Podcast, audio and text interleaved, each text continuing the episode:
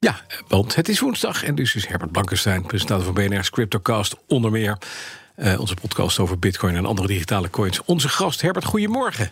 Hoi Bas. Een toonaangevende Nederlandse bitcoin-optiebeurs vertrekt uit ons land en dat komt allemaal door onze nieuwe anti-witwasregelingen.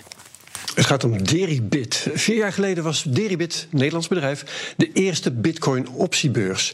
En nu nog worden ze de dominante speler genoemd in Bitcoin-derivaten, opties en futures.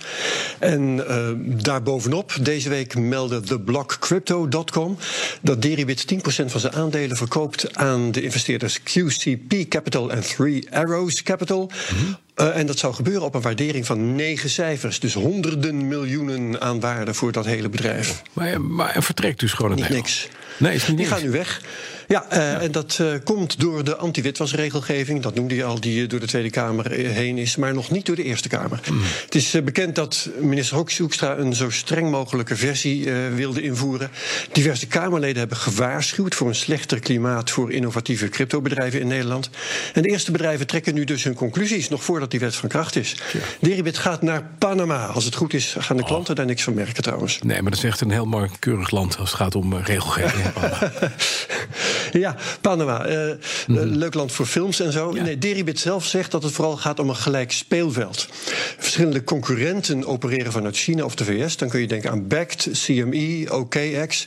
En die hoeven dus niet aan die strenge Europese regels te voldoen. Mhm. Dat zou Deribit op een concurrentieachterstand zetten. Ja. Intussen gaan ze wel degelijk op verschillende punten, zeggen ze zelf, de regels waar hun klanten aan moeten voldoen uitbreiden. Maar nu hebben ze dat meer in eigen hand en maken ze minder kosten. Um, ik heb zelf echt geen moment de indruk dat cryptobedrijven erop uit zijn om witwassen lekker mogelijk te maken. Het is meer andersom. Uh, algemeen wordt eigenlijk gevonden dat de anti-witwasregels te streng zijn, te duur en niet in verhouding, en niet proportioneel ja. tot het probleem dat ze moeten aanpakken. Ja, en dan zou je zeggen, dan moet je juist niet in Panama gaan zitten als je die uitschaling niet wil hebben. Maar dat terzijde. Ja, er zijn wel meer landen, maar ja, het is een keus. Ja. Weer een voorbeeld van crypto in de sport. Want een Amerikaanse basketballer die verkoopt via tokens het vette contract dat hij met zijn club heeft. Hoe, hoe zit dat leuk, in elkaar, die constructie? Ja, wel leuk. Het, het gaat om Spencer Dinwiddie. Hij noemt zich op Twitter uh, tech guy with a jumper. Dus een, een technologiejongen die toevallig ook hoog kan springen. Hij speelt bij de Brooklyn Nets. Heeft een contract voor drie jaar ter waarde van 34 miljoen. Dus het is niet zomaar iemand. Ja. En het eerste jaar van dat contract wil hij, wil hij nou verkopen via 90 tokens van 150.000 dollar per stuk. Dat levert hem dus 3,5, sorry, 13,5 miljoen handje contantje. Ja. Daar gaat hij dan mee investeren en nog meer geld verdienen. En zijn investeerders betaalt hij dan 5% rente per jaar. Dus eigenlijk leent hij geld met zijn contract als onderpand. Ja. En dat, uh, die rente is gegarandeerd via een smart contract op de Ethereum blockchain.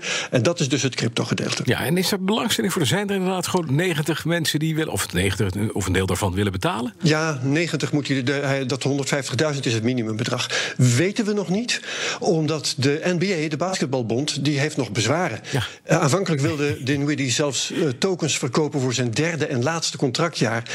En die zouden dan meer waard worden als hij in plaats van dat derde jaar bij de Nets ergens anders een beter contract zou kunnen krijgen. Hmm.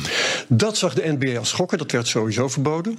Maar er waren meer problemen en de startdatum van de inschrijving zou eergisteren zijn geweest, is daardoor niet gehaald. Er wordt nog, dus nog over beraadslaagd. Dinwiddie zegt als technologiejongen dat het toch wel gaat gebeuren, niet valt tegen te houden. Maar op dit moment is het dus nog spannend, zoals dat hoort bij een goede wedstrijd. Kort naar de Cryptocast morgen. Nog één Nederlander, eh, nog een Nederlander met een interessant bedrijf. Martijn Wismeijer van General Bytes. Um, die plaatsen overal ter wereld automaten waar je bitcoins mee kunt kopen of verkopen voor je euro's. En heel benieuwd wat hij te zeggen heeft over anti-witwasregulering. Morgen aan het eind van de middag weten we dat. Dankjewel, Herbert Blankenstein. Alle afleveringen van de Cryptocast te beluisteren via BNR-app, bnr.nl of je favoriete podcast-app.